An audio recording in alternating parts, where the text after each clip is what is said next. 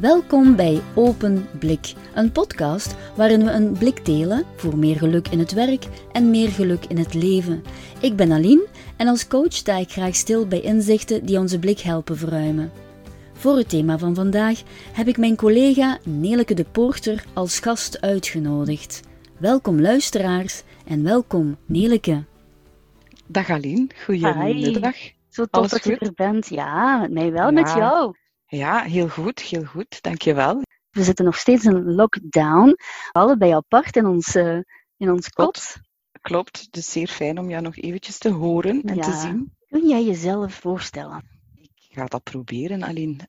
Ja, Neleke, skillbuilder, hè, uw collega, skillbuilder in hart en nieren, ondertussen sinds net iets meer dan acht jaren al ben dagdagelijks eigenlijk bezig met talent mobility en uh, de loopbanen die steeds in beweging zijn en dus veranderen. En sinds die acht jaar onderweg eigenlijk heb ik toch wel een grote interesse en noem het maar passie uh, gekregen voor alles wat rond welzijn en werkgeluk draait. Ik ben bovendien een zeer leergierig en nieuwsgierig persoon.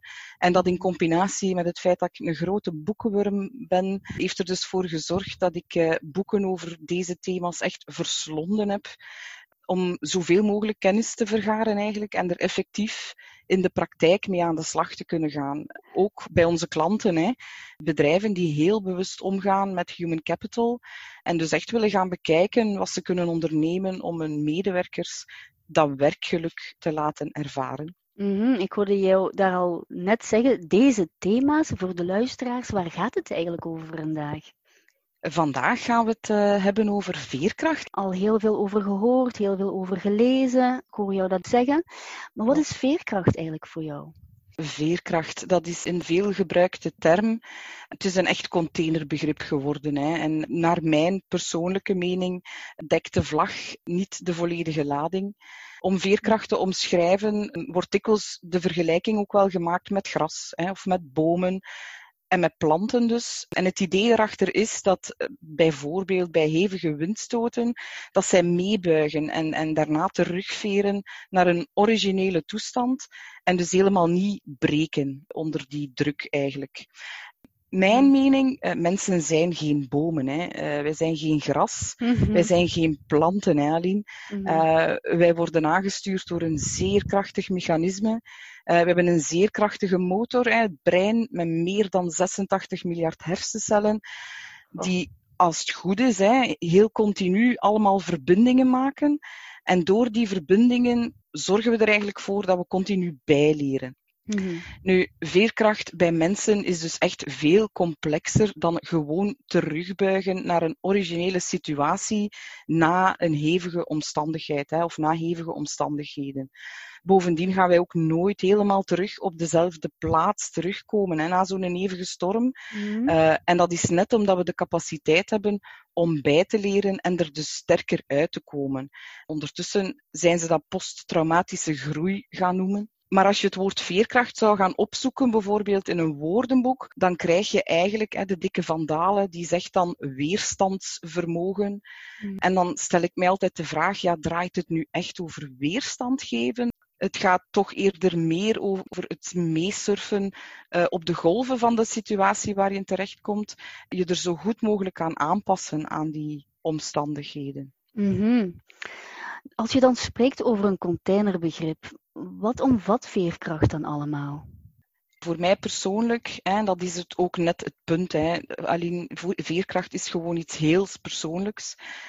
Veerkrachtig zijn omvat echt een heleboel dingen. En ik denk onder andere aan zelfkennis. Af en toe een beetje introspectie uh, en jezelf mm -hmm. beter leren kennen kan nooit geen kwaad. Een tweede waar ik aan zou denken, zelfcontrole. Hè. Zeer moeilijke, want dat komt eigenlijk neer op discipline en dat is nooit gemakkelijk. Mm. Maar ook tijd en geduld, relativeringsvermogen bijvoorbeeld. Toch een, een goede portie zelfvertrouwen, maar ook het positivisme, focus houden, uh, zal, zit daar voor mij ook voor een deel onder. Je kwetsbaarheid tonen, hè, je kwetsbaar opstellen, het durven kwetsbaar opstellen, maar ook leren omgaan met feedback. eerlijkheid en dan vooral tegenover jezelf, uh, denk ik in deze context. Maar ook je persoonlijkheid, intravert, extravert, maakt daar echt allemaal deel van uit, van die term veerkracht. En er zijn er nog zoveel meer mm. die ik zou kunnen opnoemen.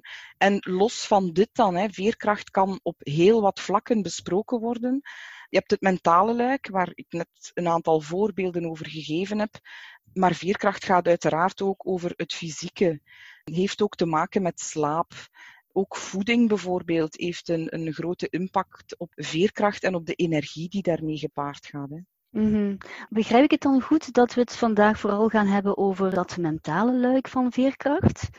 Klopt. Ja, dus ik hoorde jou daar straks zeggen, veerkracht is echt iets heel persoonlijks. Wat, wat maakt dat dan, ja, dat het zo persoonlijk is? Omdat we, en gelukkig maar, echt allemaal anders zijn. Dat betekent dat we ook stressvolle situaties of stresserende situaties allemaal anders gaan ervaren. En de een is gewoon al stressvaardiger dan de andere. Ene persoon zal sneller druk ervaren dan de andere. En dat is net omdat die verschillende aspecten van veerkracht bij iedereen een andere focus krijgen. Mm Ik hoor jou zeggen, de een is al stressvaardiger dan de andere. Is stress dan een soort van vaardigheid? Ja, dat klopt. Hè. We hebben allemaal wel een, een, een, bepaalde dosis stress nodig om te groeien, om bij te leren, om uitgedaagd te worden. Ja, de een heeft al wat meer nodig dan de andere en uh, heeft dat ook misschien op een andere vorm nodig. Maar de mindset ook tegenover stress, ja, dat kan in mijn opinie uh, een globale makeover gebruiken. Hè. Stress is geen vies beest waar dat we allemaal alleen maar ziek van worden. Stress is mhm. echt niet de vijand maar heeft eigenlijk over tijd wel dat imago gekregen. Hè. Eigenlijk zou stress heel dringend een spindokter moeten inhuren. Ondertussen weten we is dat synthetisch geluk, dus eigenlijk ja, noem het het zelfverklaard geluk, dat dat dezelfde neurologische reacties in de hersenen opwekt als het echt ervaren van geluk. Dus onder scanners uh, lichten echt dezelfde onderdelen van de hersenen op in beide situaties. Dus als we het heel simpel zouden gaan verwoorden, onszelf wijsmaken dat we gelukkig zijn, dan reageren onze hersenen echt op dezelfde manier als wanneer we echt effectief mhm. geluk ervaren. En datzelfde ook met stress. Ondertussen weten we, uit, ook uit verschillende onderzoeken, dat samen met heel wat andere hormonen, adrenaline bijvoorbeeld, hè, maar dat ook oxytocine. En ja, mhm. je hoort het goed, hè, oxytocine, dat is het knuffelhormoon. Maar dat wordt ook vrijgegeven tijdens een stressreactie. En oxytocine heeft en ja, heel veel verschillende uitwerkingen. Maar in de hersenen motiveert het ons tijdens die stressreactie om steun te zoeken bij onze naasten, bij onze geliefden, bij de mensen die we graag rond ons hebben. Die biologische stressreactie, die stuurt er dus echt op aan om iemand te gaan vertellen hoe je je voelt, in plaats van het op te kroppen. Mhm. Dus de stressreactie zorgt er eigenlijk voor dat we ons gaan omringen met mensen die we graag zien en die we graag rondom ons hebben. Het leuke is, oxytocine heeft niet alleen een invloed op ons brein, maar echt op ons ganse lichaam. Het is er bijvoorbeeld om het cardiovasculair systeem te beschermen tegen de effecten van stress. Het is echt een natuurlijke ontstekingsremmer en het helpt ook om de bloedvaten te ontspannen tijdens de stress. Maar het heeft bovenal een effect op ons hart. Want ons hart heeft receptoren voor dat hormoon. En oxytocine helpt effectief om de hartcellen te regenereren en dus te herstellen na stressgerelateerde schade. Mm Dus het stresshormoon versterkt effectief het hart. En het leuke aan alles is eigenlijk dat deze effecten nog versterkt worden als je gaat toenadering zoeken bij mensen. Dus om zelf hulp te vragen hè, of om hulp aan te bieden, dan wordt er nog meer van dit hormoon vrijgegeven en dan wordt de stressreactie nog gezonder en dan ga je nog sneller recupereren van stress. De schadelijke effecten van stress op je gezondheid, die zijn dus absoluut niet onvermijdelijk hoe je denkt, eh, hoe je je gedraagt, dat kan je stresservaring echt wel transformeren. Als je de stresservaring zou gaan beschouwen als nuttig, dan ga je echt een biologie van moed creëren. En als je verkiest om, om te connecteren met anderen onder stress, dan helpt dat ook echt om die veerkracht te verhogen. Wauw, er zijn heel wat dingetjes waar ik gewoon helemaal niet echt bij stil stond. Om dan terug te komen bij veerkracht, kunnen we dan heel eventjes die verschillende onderdelen van veerkracht overlopen? Ja, absoluut. Mm Gaan we doen. Kies maar, waar wil je graag mee beginnen? Je hebt er inderdaad enkele opgenoemd, maar is het goed als we dus gaan beginnen met zelfkennis? Absoluut. Zelfkennis is een belangrijke. Hè? Het is vooral belangrijk om jezelf goed genoeg te leren kennen, om ook te weten hoe je zelf reageert op stress en in stressvolle situaties. Mhm. Die signalen herkennen en daar snel kunnen op inspelen, van jezelf weten waar de leerpunten liggen, dan maakt het natuurlijk al een stuk gemakkelijker om daarmee aan de slag te gaan. Het is ook belangrijk om, om van uzelf te weten welke situaties u precies een onbehaaglijk gevoel bezorgen. Misschien kan je ze dan enerzijds voor een deel uit de weg gaan, wat natuurlijk niet altijd mogelijk is. Dus des te meer eigenlijk om jezelf aan te leren om met die situaties om te gaan. Mm Ik had hier nog eentje genoteerd, zelfcontrole. Ja, zelfcontrole komt voor mij eigenlijk neer op het vermogen om de eigen emoties en de gedragspatronen uh, onder controle te houden. En eventueel ook bij te sturen als dat van jezelf wenselijk zou zijn. Volgens allerlei wetenschappelijke onderzoeken gebeurt dat eigenlijk in drie specifieke delen van de hersenen. En dan kunnen we zeer wetenschappelijk gaan doen, wat we niet gaan uh, proberen. Maar het komt er dus op neer dat je het uitvoerende deel hebt in de hersenen. Je hebt uh, het deel uh, dat de emoties beheerst. En je hebt ook het deel dat pijn verwerkt. Dat zijn echt de drie delen in de hersenen die ja, actief worden bij zelfcontrole.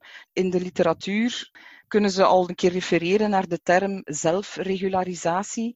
En mhm. dan omschrijven ze daar eigenlijk vijf methoden voor. Ik ben benieuwd. Ja, benieuwd. Zal ik ze even uh, uit de doeken doen? Yes, goed. um, dus ja, je kan enerzijds je kan de situatie gaan proberen vermijden. Mm -hmm. uh, je kan de situatie proberen veranderen. Dat is de tweede. Mm -hmm. Je kan als nummer drie je aandacht gaan verschuiven en uh, op iets anders gaan richten kan de situatie op een ganz andere manier gaan bekijken en appreciëren als mhm. vierde. Mm. En dan als laatste kan je proberen om de reactie op de situatie te onderdrukken. Mm-hmm. En over het algemeen is daar eigenlijk ook uitgezien dat de techniek van afleiding, dus echt de aandacht gaan verschuiven, dat die het meest succesvolle is. En eigenlijk kan je dat vergelijken met die, ja, de techniek, denk niet aan een wit konijn. Aan wat mm -hmm. denkt u alleen? Uiteraard aan een wit konijn. Voilà. Maar als ik dan ga zeggen, en denk nu aan een zwart konijn, dan, dan is dat wit konijn... Verdwenen. Ja. Ineens helemaal terug uh, mm -hmm. verdwenen. Dus ja, zelfcontrole, wat we daar wel moeten gaan zeker in rekening brengen, is dat dat echt een limiet heeft. Hè. We kunnen onszelf niet eindeloos gaan beheersen. Zeker niet als je niet voldoende rustpauzes gaat inlassen. Plus ja, het, het vergt ook wel enige oefening om impulsen te controleren. -hmm. We hebben al eens uh, eventjes stilgestaan bij zelfkennis, bij zelfcontrole. Wat denk je dan van het relativeringsvermogen? Eerlijk, um, ik weet eigenlijk ook niet alweer of relativeringsvermogen het juiste woord is ik bedoel daar eigenlijk ook wel mee in eerste instantie uh, dat je heel goed moet weten dat het wel oké okay is om af en toe eens door een dipje te gaan. Dat heeft iedereen ook wel een keer voor. Mm-hmm. Dat dipje mag natuurlijk niet blijven aanhouden. Hè. Er moet een punt komen uh, waarop dat je achterom kan kijken en kan zeggen, het was even moeilijk, mm-hmm. uh, maar het is voorbij. Maar effectief ja, ook wel het echte relativeren. En ik denk dat we dan heel echt niet ver moeten gaan denken. Hè. Ik denk dat het aspect in deze huidige tijden van lockdown zeer belangrijk is. Het begint ons allemaal al wat te lang te duren en de versoepelingsmaatregelen, dat gaat niet snel genoeg. Mm. En we missen onze familie en vrienden en, en we krijgen huidhonger, hè, zoals ze dat zeggen, want we mogen al zo lang niet meer gaan knuffelen met de mm. mensen. Hè. Die oxytocine, dat knuffelhormoon, dat mm. is er zo weinig. Dus ja, het is, het is nu echt volgens mij dan, hè, Aline, niet zo heel erg om deze weken echt in afzondering te gaan doorbrengen, als dat betekent dat we dan gezondheid van heel veel mensen kunnen veiligstellen mm daarmee. Maar voor sommige mensen, en dat zagen we ook al in de media, lukt het toch niet echt goed om het volledige plaatje te gaan bekijken. Hè? Die denken, uh, ach ja, een dag vroeger afspreken met vrienden, dat zal toch wel niet zoveel kwaad kunnen. Hè? Mm. Uh, die fameuze lockdownfeestjes bijvoorbeeld, die gehouden worden. Voor sommigen blijkt het echt nog moeilijk te zijn om dat samenscholingsverbod te respecteren en te relativeren dat het slechts voor korte tijd is, dat hier een einde aankomt. Misschien komt het ook wel, hè, komt er rebel boven en is het net omdat het een verbod is dat ze er uh, tegenin willen gaan. Maar een situatie echt goed overdenken, er de tijd voor nemen om een en ander tegen elkaar af te wegen, een keer alles in een ander licht zetten. Mm -hmm. en vooral niet strak vasthouden aan éénzelfde visie en een open blik houden. Dat valt daar eigenlijk voor mij allemaal onder. Mm -hmm. Ik, dat doet mij een klein beetje denken aan Dirk de Wachter. In zijn boeken beschrijft hij dat ook van streven niet allemaal een beetje te veel naar perfectionisme in ons leven in plaats van ook tevreden te zijn met, met wat minder of wat minder goed. Voor mij komt dat echt inderdaad helemaal op hetzelfde neer. En ik wil ook wel meegeven dat ik professor De Wachter een heel interessante man vind om naar te mhm, luisteren. Mhm. en zijn boeken houden voor mij ook echt steek, uh, wat ik niet van alle boeken kan zeggen. Maar het klopt voor mij helemaal wat hij zegt. Het heeft geen zin om geluk als levensdoel te zien. Het draait er echt om, om de zin ervan en, en, en ja, de betekenis die je er zelf aan geeft. Mm ja, absoluut. Hè. Een laatste puntje. Wat denk je van focus? Ja, focus, dat is een speciale hè. In kader van focus en eigenlijk ook wel in het algemeen horen we heel dikwijls, hè, er wordt nogal gemakkelijk met de term flow gegoocheld. En de man die flow uitgebreid heeft onderzocht en besproken, uh, we gaan het op Mihaly houden, want de rest van zijn naam uh, is absoluut niet uitspreekbaar. Flow is die staat van opperste concentratie, waarin dat je de omgeving en de tijd helemaal vergeet. Mhm. Je bent zodanig gefocust op de taak waarmee dat je bezig bent, dat alles rondom je eigenlijk vervaagt. We hebben dat allemaal wel onbewust al voor of tegengekomen. Maar focus in kader van veerkracht is eigenlijk eerder bedoeld in, in de zin van keep your eyes on the prize. Mhm. Blijf gefocust op wat belangrijk is in een, een bepaalde situatie, op wat je wil bereiken, eigenlijk op het einddoel. En onlangs, ja, niet verwonderlijk, heb ik daar een boek over gelezen, over focus. Het is een heel dun boekje hoor, maar het heeft mij toch wel wat inzichten bezorgd. Want voor mij persoonlijk, het summum echt van focus kan je terugvinden bij militairen. Die mannen, ja, die worden erop getraind om zich helemaal te concentreren op het einddoel en echt alle stoorzenders gewoon buiten te sluiten. Mhm. En het begint eigenlijk al voordat ze echt de training, ja, nee, tijdens de training eigenlijk, om die te doorstaan, ja, die moeten beschikken over een ijzersterke wil en focus ook om, om dat einddoel te behalen. En dat boekje ging dus daarover. Dat ging dus over de Navy SEAL Mental Toughness. Geweldig boek. Mm Dat is dan de mentale kracht, als ik het goed begrijp. Ja, dat klopt. Hè. Navy SEALs, dat, dat, dat zijn echt dat is de elite binnen de Amerikaanse Combat Force. En als er iets is waar die, die mannen en vrouwen naast het fysieke dan bakken van in huis hebben, ja, dan is het mentale kracht. Maar opnieuw, hè, alleen wat is mentale kracht eigenlijk? Mhm. Dat is toch weer iets heel individueels en iets heel persoonlijks. Dus het is ook wel belangrijk om voor jezelf uit te maken wat betekent dat voor jou? Mm. Uh, die Navy SEALs, hoe worden zij getraind eigenlijk om hun mentale kracht te verhogen? Zij krijgen een aantal tips waar ze zelf mee aan de slag moeten gaan gedurende een training. En pas op, dat is echt geen fysica. Ze hebben dat opgedeeld in zeven puntjes eigenlijk. En om te beginnen, eerste puntje, heel simpel, dat is beginnen. Er echt mee aan de slag gaan. Hè neem een beslissing waar je voor 100% achter staat. En ik durf dan wel zeggen, heel simpel, maar dat is het dus echt niet. Dat is zelfs dikwijls het moeilijkste stuk. Het nemen van die beslissing om er echt aan te beginnen. En, en dus, ja, dat zorgt echt in je hersenen voor een klik. Als tweede puntje krijgen zij eigenlijk mee de milestones. De meeste doelen die wij voor ogen hebben, die gaan we gaan formuleren op lange termijn. En soms geven we het gewoon op voorhand al op als we nadenken over de tijd dat gaat duren om tot dat einddoel te geraken. Dus dat groter doel moeten we eigenlijk in allemaal verschillende kleine mini-doeltjes gaan verdelen. Mhm. Dat kan een oplossing zijn om die focus inderdaad te bewaren. Een derde, ja, wat ze zeggen, dust yourself off and try again. Laat u niet doen door tegenslagen. Geef niet op. Sta op, schouders recht, herbegin. Leer uit de tegenslagen. Ga aan de slag met wat je geleerd hebt, Mhm. maar blijf vooral doorgaan. Geef niet op. En dan een vierde, alleen, is sta vroeg op. En ik moet eerlijk zijn, dat is mijn minst favoriete. Eh, en dat zal nooit mijn sterkste punt worden, persoonlijk. Ik, ben, ik heb s'morgens een, een kanjer van een ochtendhumeur. Eh, dus ik blijf vooral best uit de buurt voor ieders veiligheid, tot als dat humeur over is. Maar het klopt wel. Hè. In alle rust en in alle focus krijg je echt 's ochtends vroeg veel meer gedaan en creëer je ook een voorsprong op anderen. Hè. Mhm. De vijfde tip die ze meekrijgen is: kom uit uw comfortzone. Uiteraard, want mentale kracht kan je niet gaan ontwikkelen als je geen nieuwe uitdagingen aangaat. Hoe meer nieuwe, hoe meer enge dingen je gaat proberen, hoe groter die comfortzone ook gaat worden. Hè. Mhm. Een volgende die ze meekrijgen, en daar worden ze toch wel eh, heel zwaar op getraind, is hou die angsten onder controle. Overwin ze, die angsten. Ze krijgen daar ook wel een aantal technieken voor aangeleerd. En wat ook in het boekje eh, zeer veel besproken werd, was onder andere ja, visualisatie, heel belangrijk. Maar zeker ook ja, het controleren van de ademhaling. Hè. Weten dat, eh, wat, welk weerslag dat heeft eigenlijk op uw ademhalingssysteem. Mhm. Dus ja, die, die leren zichzelf ook echt een positieve innerlijke dialoog aan.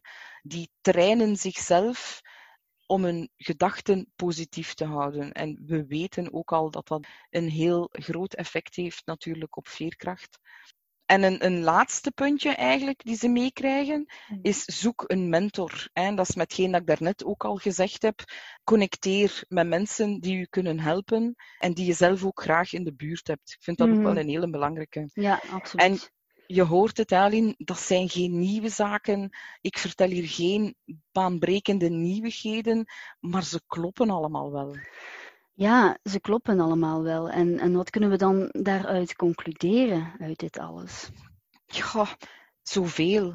Ik vind vooral dat iedereen er stukjes moet uitpikken waar ze zelf mee aan de slag kunnen gaan. En nogmaals, het is een zeer persoonlijk verhaal. Ikzelf bijvoorbeeld zal dat vroeg opstaan nooit onder de knie krijgen, laat staan toepassen. en ik doe dat dan meer uit bescherming van mij, voor mijn omgeving dan voor mezelf. Maar anderzijds alleen, er zijn eh, twee zeer wijze mensen die mij altijd geleerd hebben dat ik altijd tegenvragen moest stellen. Dus ik kaats eigenlijk de Mhm. vraag zeer graag terug naar u, Aline. Mm. Eh, welke punten onthoud jij vooral en welke puntjes neem jij hieruit mee? Wel, Neleke, van alles wat je verteld hebt en ook uit die zeven tips of puntjes die je hebt aangehaald, onthoud ik vooral dat het een persoonlijk verhaal is van vallen en, al dan niet vroeg, opstaan, waarbij dipjes normaal zijn en ook toegestaan. En als je samen de stressvolle momenten overwint en dus in verbinding met andere mensen, sta je sterker in je veerkracht. Dankjewel Neleke, echt super dat je er was. Ik heb al een heel, heel pak bijgeleerd over veerkracht. Waarschijnlijk de luisteraars ook. En heel graag tot ziens, want wij zijn collega's Neleke. We gaan ons hopelijk binnenkort weer een levende lijven kunnen zien na deze Ja. lockdown. En dan laten we die oxytocine stromen, hè, Aline, met een dikke knuffel. hè. dikke knuffel. Oh, je kijkt er nu al naar uit. Tot later. Tada!